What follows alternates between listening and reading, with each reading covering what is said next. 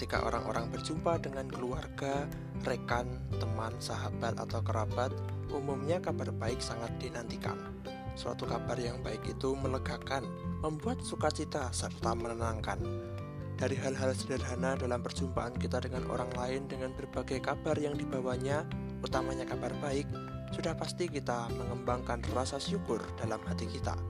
Demikian pula Yitro ketika bertemu Musa, menantunya, dan Musa telah menceritakan segala kabar baik, peristiwa dan pengalaman orang-orang Israel yang telah berhasil keluar dari Mesir dalam tuntunan dan penyertaan Tuhan Allah. Keluaran 18 ayat 9 sampai 12. Bersukacitalah Yitro tentang segala kebaikan yang dilakukan Tuhan kepada orang Israel bahwa ia telah menyelamatkan mereka dari tangan orang Mesir. Lalu kata Yitro, Terpujilah Tuhan yang telah menyelamatkan kamu dari tangan orang Mesir dan dari tangan Fir'aun. Sekarang aku tahu bahwa Tuhan lebih besar dari segala Allah, sebab ia telah menyelamatkan bangsa ini dari tangan orang Mesir, karena memang orang-orang ini telah bertindak angkuh terhadap mereka. Dan Yitro, mertua Musa, mempersembahkan korban bakaran dan beberapa korban sembelihan bagi Allah Lalu Harun dan semua tua-tua Israel datang untuk makan bersama-sama dengan mertua Musa di hadapan Allah. Reaksi dan tanggapan Yitro atas cerita Musa adalah respon terhadap pengalaman iman. Terkadang manusia begitu rutin menjalankan hidupnya atau dalam situasi ekstrim yang menenggelamkannya dalam situasi yang monoton dan stagnan.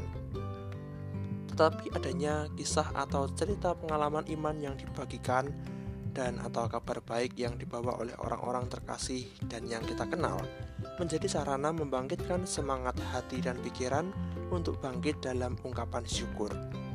Reaksi pertama ialah timbulnya sukacita. Sukacita bisa selalu timbul meskipun di tengah penderitaan sekalipun. Yang dibutuhkan adalah cara melihat bahwa ada karya dan penyertaan Tuhan dalam setiap situasi, yang baik maupun yang buruk. Kedua, bersyukur dan memuliakan Tuhan. Kemuliaan hanya milik Tuhan dan dialah yang kita sembah dan agungkan. Hal ini menolong kita meneguhkan iman kepadanya. Ketiga, mengembangkan dan mengokohkan pengharapan kita kepada Tuhan. Harapan dan iman dalam iman tidaklah sia-sia. Harapan di dalam iman itu bukan sesuatu yang kosong, tetapi cara mengungkapkan sikap terbaik terhadap masa depan. Harapan di dalam iman memang berbeda dengan harapan manusia seperti target atau tujuan yang mau dicapai. Karena harapan di dalam iman harus ada sisi keberserahan dan pasrah kepada Tuhan yang empunya kehidupan.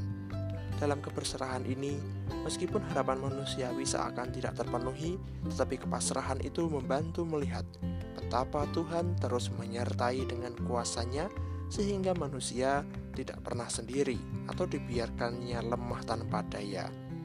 Oleh karena itu, kita bisa selalu mendapatkan kekuatan dan daya kehidupan di dalam Tuhan dengan merespon pengalaman iman yang kita peroleh agar kita senantiasa menjaga syukur dan harap kita kepada Tuhan dengan teguh.